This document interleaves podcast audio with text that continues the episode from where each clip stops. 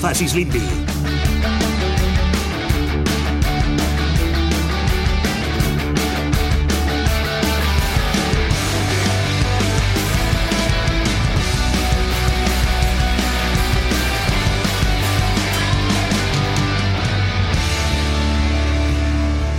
Hola, hola, benvinguts a No Facis Linda Cultura FM. Avui és dimecres 14 de gener i avui és un dia especial perquè tenim una entrevista que va fent Sergio. Hola, Sergio.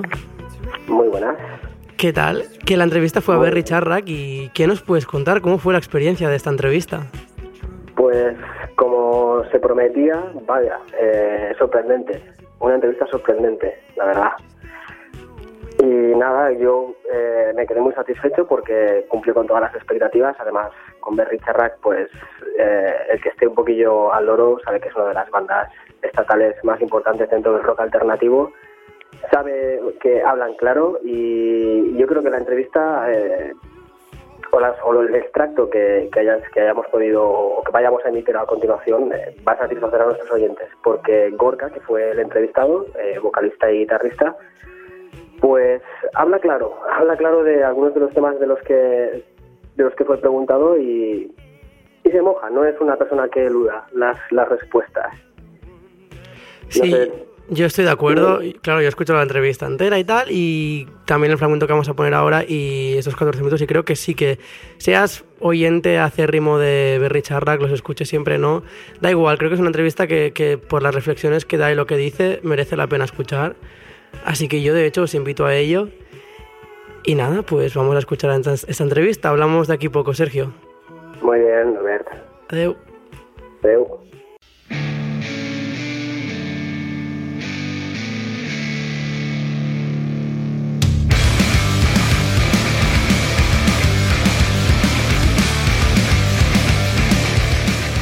Dicen que nadie o muy poca gente es capaz de ser profeta en su tierra, ¿no? Y, yo no sé si esto es aplicable a Berry Charrack, porque bueno, aunque es evidente que allí donde vais arrastráis una cantidad de público considerable, a lo mejor no, no acabáis de tener la presencia que, que a otros nos gustaría que tuvieseis. Bueno, Profeta en su tierra, no sé, yo creo que eh, ha costado, digamos que, que a base de, de conciertos y de discos y de, de mucho trabajo y de mucha constancia, yo, nosotros sí nos sentimos valorados, ¿no? A día de hoy. Puede ser más o menos, bueno, probablemente podríamos llegar a más gente y siempre la filosofía es esa, ¿no? De ir creciendo, pero por lo menos encima con este disco y con el 20 aniversario y tal, sí que siento una especie de, de reconocimiento, ¿no?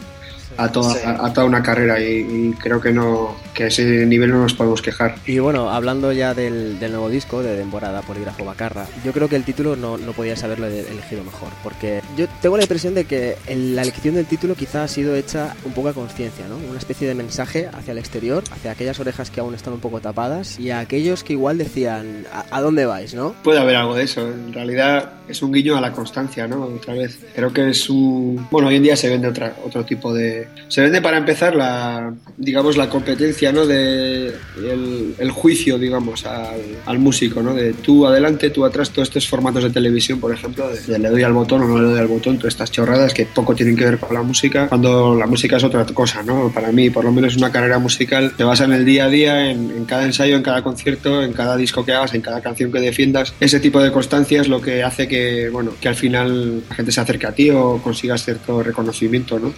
Y el título, pues bueno, por una parte sí es un poco de auto de decir, ¿no? Mira, pues el, el, tiempo al final, si lo intentas, pues hay veces que, que, ocurren este tipo de pequeños milagros. Pero bueno, también es otra, tiene más conceptos, ¿no? El tiempo es un concepto que abarca muchas, tiene muchos matices y muchas interpretaciones, ¿no? Eh, también va unido al hecho de, de, editar tres discos, ¿no? Hoy en día es como un suicidio comercial, pero, pero a la vez es un mensaje de decir, oye, ya sé que ahora estás oyendo todo por YouTube o por un Spotify que vas cambiando y que cada tres canciones te salta un anuncio de, de Opel, pero quiero que te, quiero que te escuches este disco entero, ¿no? Y necesito una hora y veinte de tu vida para que lo escuches una sola vez. Y si quieres sacarle todo el jugo, vas a tener que escucharlo más de una vez. Entonces, bueno, es una reivindicación de otro tiempo para la música. Sí, y al mismo tiempo, pues es, lo que comentas tú, ¿no? Es, incidir en la idea eh, que estabas comentando. Y, esa idea, además, sigue dándoos la razón, ¿no? Porque enlazando con lo que has comentado de, respeto a las canciones de uno mismo, etcétera, yo creo que el respeto que vosotros mostráis por vuestro legado,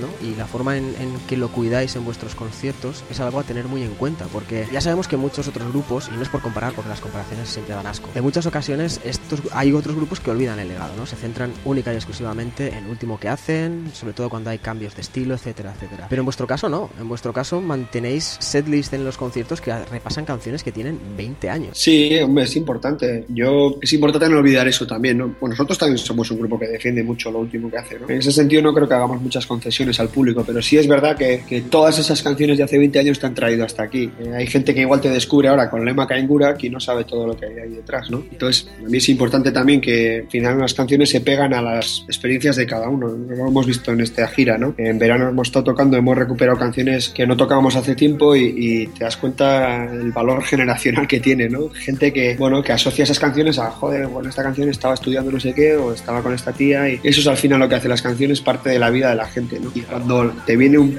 un fan y te comenta eso y dices, joder, pues yo os descubrí con este tema y justo entonces estaba... Pasa con los libros, un libro cuando tú te lo lees no es solo ese libro, es lo asocias a cómo estabas cuando lo estabas leyendo o comparas lo que ocurre en ese libro con, tu vida también sin querer, ¿no?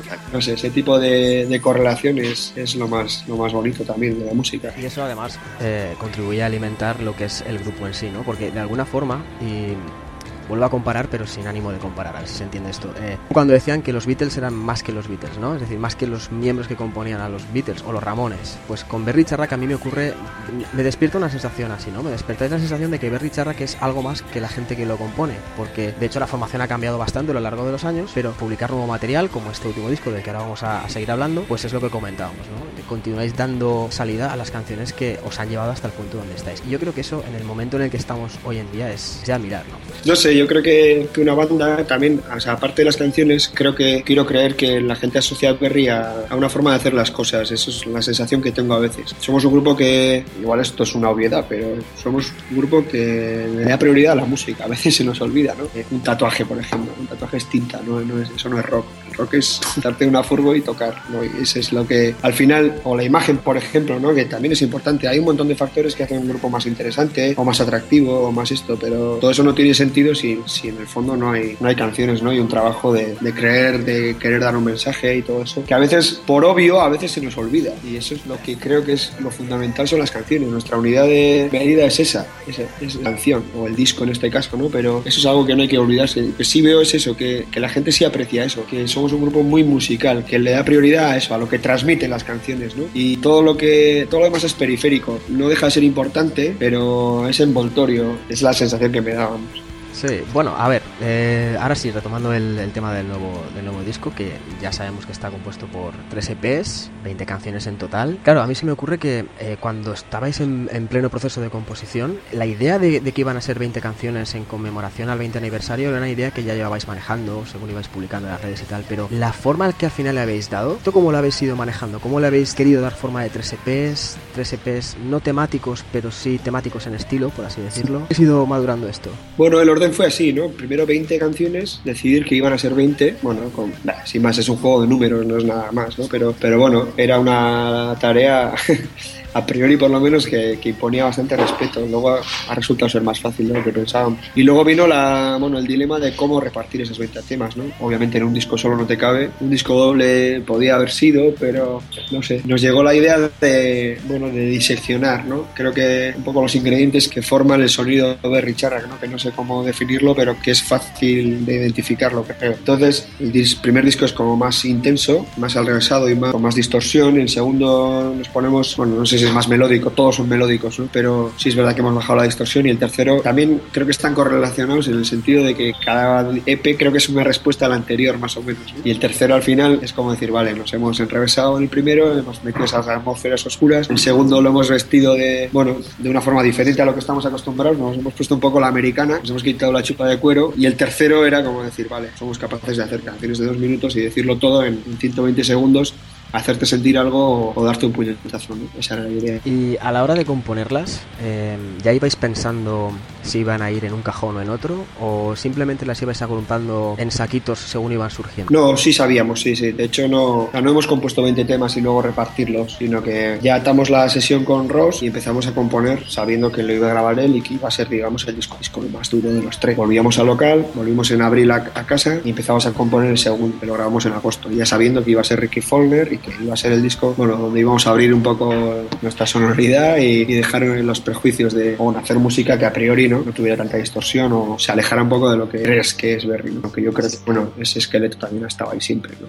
Sí, desde luego. Eh, de hecho, en lo personal que lleva a comentar, ¿no? El, segundo EP eh, es el que a mí más me ha sorprendido y más gratamente, porque quizá el primero, Suchakurrak, y el, el último, Sakemate Cultural Bat, son más, eh, son lo que esperamos, ¿no? De Berry Charrac, música muy contundente, oscura, potente, rápida, pero claro, el segundo EP es, como decías, más melódico, no sé cómo llamar. Y ha sido una sorpresa. Hay canciones como la misma que da título al, LP, perdón, al EP que para mí ha sido todo un descubrimiento, porque recuerda a, en los primeros compases a, a música que venía de la Motown, casi nada, ¿no? Ese ritmillo de bajo, esa cosa. O Polígrafo Bacarra, otro temazo, ¿no? Entonces, a mí me surge la duda de decir, esta gente, cuando se metió al estudio con Ricky Falkner y le dijo, Ricky, estamos en tus manos, ¿vosotros cómo lo vivisteis desde dentro? Porque es un riesgo que hay que tomar al fin y al cabo, ¿no? Hablando del sonido y tal. Sí, es, es de los tres y quizá el, disco más arriesgado, ¿no? Primero porque hay mucho prejuicio en este, este mundo de la música, desgraciadamente, y por esos prejuicios la gente se acaba perdiendo muchas experiencias y muchas buenas canciones, pero nos apetecía, ¿no? Había lugar también para la experimentación y para la sorpresa, ¿no? Y bueno, pensábamos que Ricky, la persona adecuada, ya sospechábamos que era un musicazo, pero bueno, luego lo hemos visto ya trabajar y creo que hemos acertado de lleno. De todas formas, eso, ya las canciones del vocal ya veníamos con esa intención, ¿no? De un poco rompedora, de probar otras cosas sin, sin tener miedo al que dirán, ¿no? Como tú dices, porque te suena la mota, nosotros decíamos que sonaba The Roots, ¿no?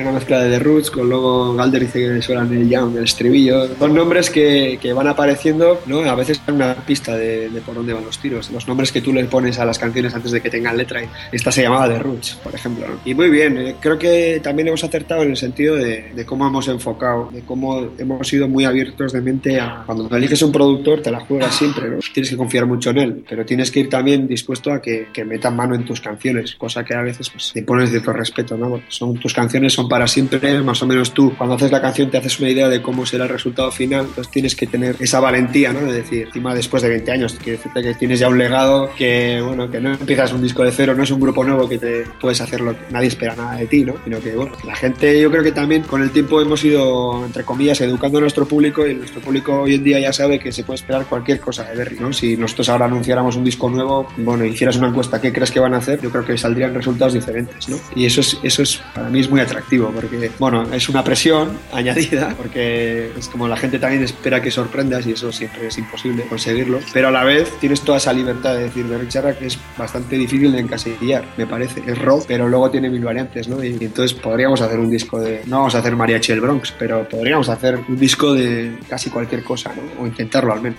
Eso iba a comentarte, que os habéis convertido en un grupo para bien, impredecible, ¿no? y, lo habéis demostrado en Demorada Polígrafo Bacar, habéis sorprendido para bien en un EP en el que la gente tenía sus reservas, ¿no? Y claro, hablando un poco de esto, de, de, los productores que meten mano y tal, yo no sé si sois conscientes de que habéis llegado a un punto en el que habéis trabajado con, grandísimos nombres, ¿no? Steve Albini en Payola, Ross Robinson en Aria, Gardner, Bill Stevenson. ¿Os paráis a pensar en el hecho de lo que estáis consiguiendo a nivel musical trabajando con gente de este calibre? Sí, este es lo que te de saber, o sea, de saber valorar y de disfrutar del viaje, ¿no? Claro, todo va tan deprisa y somos un grupo muy activo, ¿no? Entonces ya has hecho el disco con, con Steve Albini, ¿no? Hace ya cinco años. Casi se te olvida, pero es que estás ya grabando con Bill Stevenson. Entonces es como que todo el rato están ocurriendo cosas y bastante importantes, ¿no? Entonces a veces conviene darle al pause y decir, mira lo que está pasando, ¿no? Y sí, hijo, es, es un viaje alucinante y estamos muy, yo creo que la palabra es gratitud, ¿no? Sientes como ganas de agradecer a alguien esa oportunidad que te ha dado la vida o la música o la gente de, de poder trabajar con gente que valoras tanto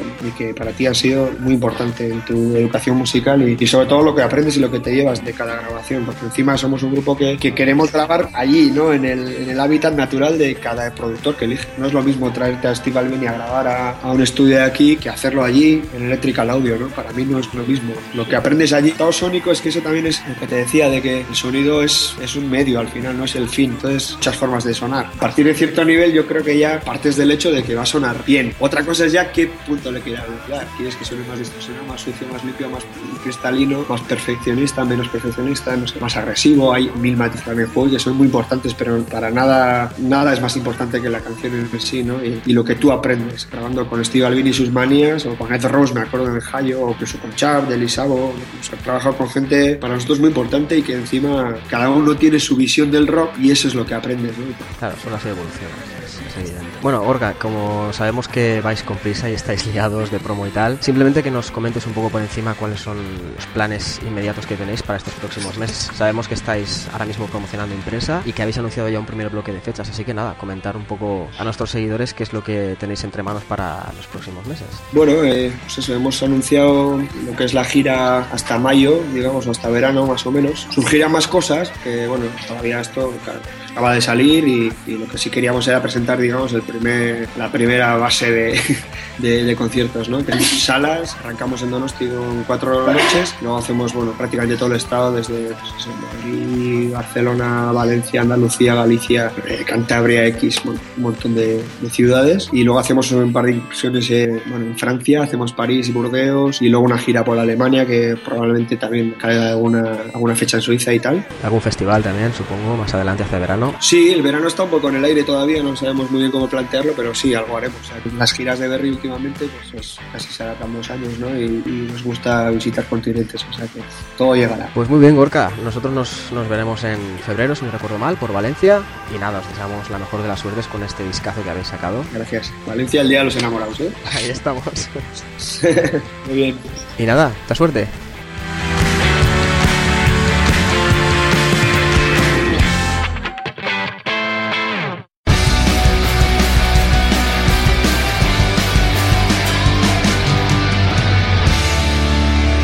easily be.